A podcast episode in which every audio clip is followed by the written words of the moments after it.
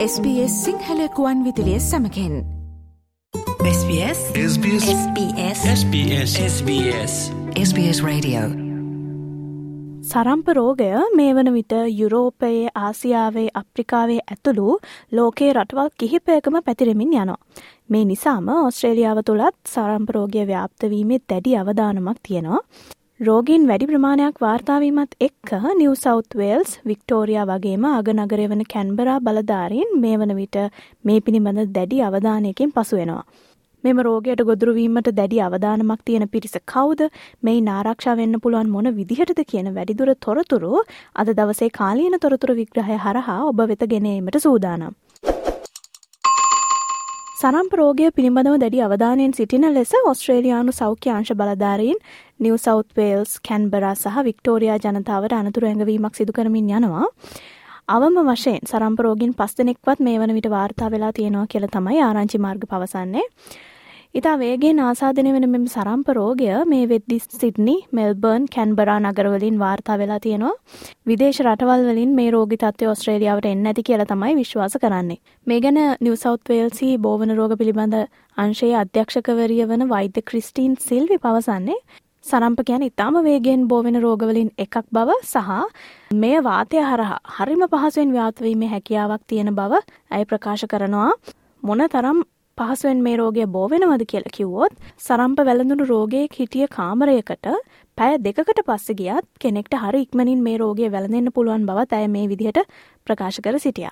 And it spreads through aerosols in the air. It, it's so infectious that uh, sometimes people have actually acquired measles from coming into the same room that a person with measles was. Two hours after the, left, the person with measles actually left the room.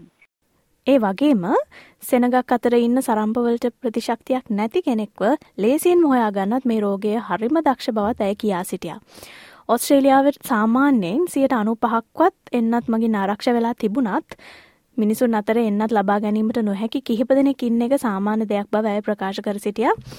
මේ රෝගයට ලක්වීමේ අවධානම තියෙන පිරිස විදිහට ඇය නම් කරන්නේ ප්‍රතිශක්තිකරණ පද්ධතිය දුර්වලාය වෙනත් රෝගවලින් පෙළෙන අය වගේම ඉතා කුඩා දරුවන්ව.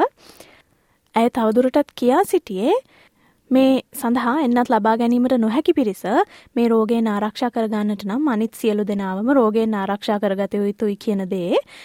ඒ වගේම සාමාන්‍යයෙන් කුඩා දරුවන් මේ සඳහා එන්නත ලබාගන්නේ මාස දොළහැදී ඒ නිසා මාස හයත් දොළහත් අතර දරුවන් තුළ මවගෙන් ලැබුණු ප්‍රතිදේහ මේ කාලය තුළදි ක්‍රමෙන් අඩුවෙමින් යනවා. එතකොට මේ මාස හයත් දොළහත් අතර දරුවන් දැඩි අවදානම් තත්ත්වයක සිටිනා මේ සරම්ප රෝගය වැළඳීමේ. මේ වගේ පුංචි දරුවෙකුට මේ රෝගය වැළඳුනොත් නියමෝනියා තත්ත්වය ඇතැම් වෙලාවට එන්සෙවලයිටස් හෝ කලාතුරකින් පෑන් එන්සිෆලයිටිස් තත්ත්වය වුණත් ඇතිවෙන්න පුළුවන් බව ඇය කියනවා. මේ පෑන් එන්සිෆලයිටිස් තත්ත්වය ඇතිවෙන්නේ සරම්ප වැළඳිලා වසර හතක් හෝ අටකට පස්සේ. එයින් මරණය බව ඇතිවෙන්න පුළුවන් කියලා ඇය මේ විදිහට පැවසුවා. We need everybody to be protected to protect those people that can't be vaccinated and also children aged between six months and 12 months of age before they get their first vaccine their mother's antibodies are just wearing off in their system, so those young babies are vulnerable to measles. It can lead to a nasty uh, pneumonia. Sometimes it can cause encephalitis. And then rarely uh, there's a very severe condition called uh, panencephalitis that occurs seven to eight years after the measles infection, and that's, that's usually results in, in death. පසුගිය වසර කිහිපය තුළදි මුළු ලෝකය පුරාම එන්නත් කරණය පිළිබඳ පසුබෑමක් දක්නට ලැබුණා මේ නිසාවෙන්ම සරම්පරෝගය ලෝකෙ පුරාම පැතිරෙන බටන් ගත්තා. වසරක් ඇතුළතදී යුරෝපයේ සරම්පරෝගීන් නවසයදා හතරක ඉඳලා ඒ සංඛ්‍යාව හතලිස් දෙදහස් දෙසීය වෙනකල් වැඩි වෙලා තියෙනවා. මේ නිසාම ලෝක සෞඛ්‍ය සංවිධානය මේ රෝගය ව්‍යාප්තය පිළිබඳ අනතුරු ඇඟවීම් සිදු කරලා තියෙනවා. බෝවන රෝග පිළිබඳ සහ ප්‍රජා සෞඛ්‍ය නිලධාරණයක් වෙන වෛද්‍ය කැතරීන් ගිබ්නි පවසන විදිහට පසුගිය කොවිඩ් සමයේදී ලෝකේ අඩු ආදායම් ලබන රටවල කුඩා දරුවන් තුනෙන් එකකට එන්නත් ලබාදීම සිදුවෙලා නැති නිසා. ඒ රටවල්වල දරුවන් අතර මේ සරම්ප රෝගය ව්‍යාප්ත වීම වැඩි අවධානමක් දක්නට ලැබෙන බවත් ඇය පවසනවා.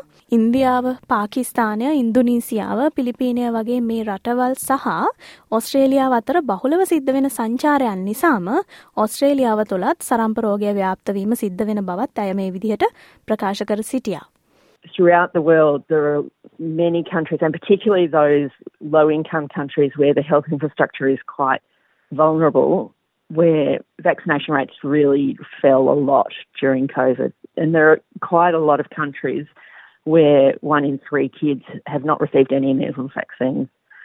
And some of those countries with high numbers of unvaccinated kids are places where there's quite a lot of travel between Australia and those countries, including India, Pakistan, Indonesia, and the Philippines. ඕස්ට්‍රේලියාවේ එක්දස් නමසි හැටහයින් පස්සේ ඉපදුන සියලුම දරුවන්ට මාත්‍රා දෙකක් යටතේ එම්මෙම්මාර් එන්නත එකැනි සරම්ප කම්බුල්ගාය සහ රුබෙල්ලා කියන රෝග සඳහා නොමිලේ ලබා දුන්නා. මේ ව්‍යාපෘතියේ සාර්ථකත්වය නිසාම දෙදස් දා හතරෙදි. ඔස්ට්‍රේලියාව සරම්පවලින් තොර රටක් විදිහට ලෝක සෞඛ්‍ය සංවිධානය විසින් නම් කරනු ලැබවා. ගිබ්නි තවදුරටත් කියා සිටියේ එන්නත් කරණය හොඳින් සිදුවනොත් දීර්ඝ කාලීනව සරම්පවලින් තොරව ඉන්නට ඔස්ට්‍රේලියාවට හැකිවෙන නමුත් එන්නත් කිරීම අඩුවනෝතින් රෝගය ව්‍යාප්තවීමේ අවධානමක් ඇතිවෙන්න පුළුවන් කියලා මොකද එක්සත් රාජධානය ඒදේ සිද්ධ වුණ නිසා. Meaning that we don't have ongoing transmission. Um, and we've maintained that. We've maintained up to now, although there's a little bit of concern currently, vaccination rates that are high enough um, to be sure that we will continue to be measles free. But if vaccine rates fall, um, then that is at risk. And it has happened in other countries like the UK where they, you know, received this WHO elimination status, but then it was revoked because their vaccine rates fell and they began to see um, measles transmission continuing in the UK. ඕස්ට්‍රේලියාව එන්නත් කරන ප්‍රතිශතය දැන් ඉහළ මට්ටමක තිබුණත් එය සාපේක්ෂව පහළ වැටීමක් සිදු වෙලා තියෙනවා සහ ඒ ආපසු ඉහළ නැංවීම කළ යුතු බවත් ඇය තවදුරටත් කියා සිටියා අනිකුත් රටවල් සහ විවිධ පසුබිම්වල ජන කොට්ටාශවලට ලබා දුන්න එන්නත් අතර වෙනස්කම් පිළිබඳ සසදන්න ප්‍රමාණවත් දත්ත නොමැති බව ඇය ප්‍රකාශ කළා. ඇතැම් ජනකොට්ටාශ එන්නත් ගැන හරිහටි දැනුවත්වීමක් නොවීම නිසා ඔවුන්ට මේ එන්නත් පිළිබඳ විශ්වාසයක් නැති බව පහුගිය කොවිඩ් කාලෙදි දකින්නට ලැබුණ බවත් ඒත් එක්කම එන්නත් කරන අඩු වෙලා රෝගව්‍යාප්තිය වැඩි වෙන ප්‍රවණතාවයක් තියෙන බවත් ඇය මේ විදිහට ප්‍රකාශ කර සිටියා.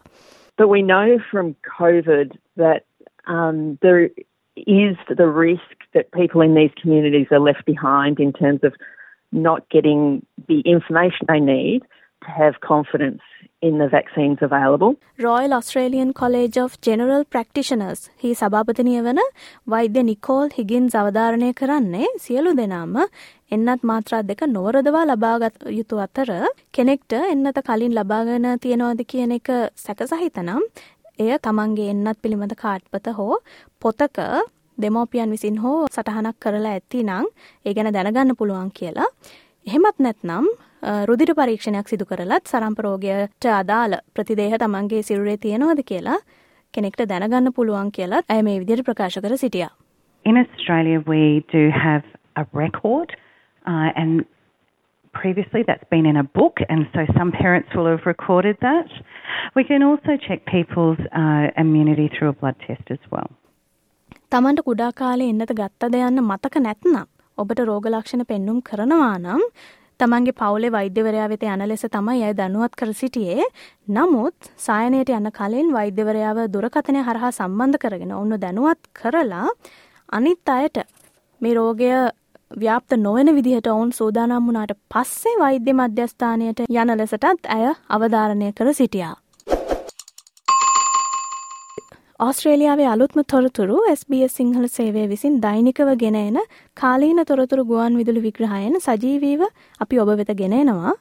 පසුව මේ වැඩසටහනට සවන් දෙන්න sbs.com.au/ සිංහල යන අපගේ වෙබ් අඩවියේ ඉහළ තීරුව ඇති මාතෘකා යන කොටස ක්ලික් කොට කාලීන ලෙස නම් කොට ඇති වෙබ් පිටුවට පිවිසෙන ඔබට පුළුවන්. SBS SBS SBS SBS SBS SBS Radio ලයි කරන්න ෂයා කරන්න අදහස් ප්‍රකාශ කරන්න SBS සිංහල ෆස්බුක් පිටුව ෆලෝ කරන්න.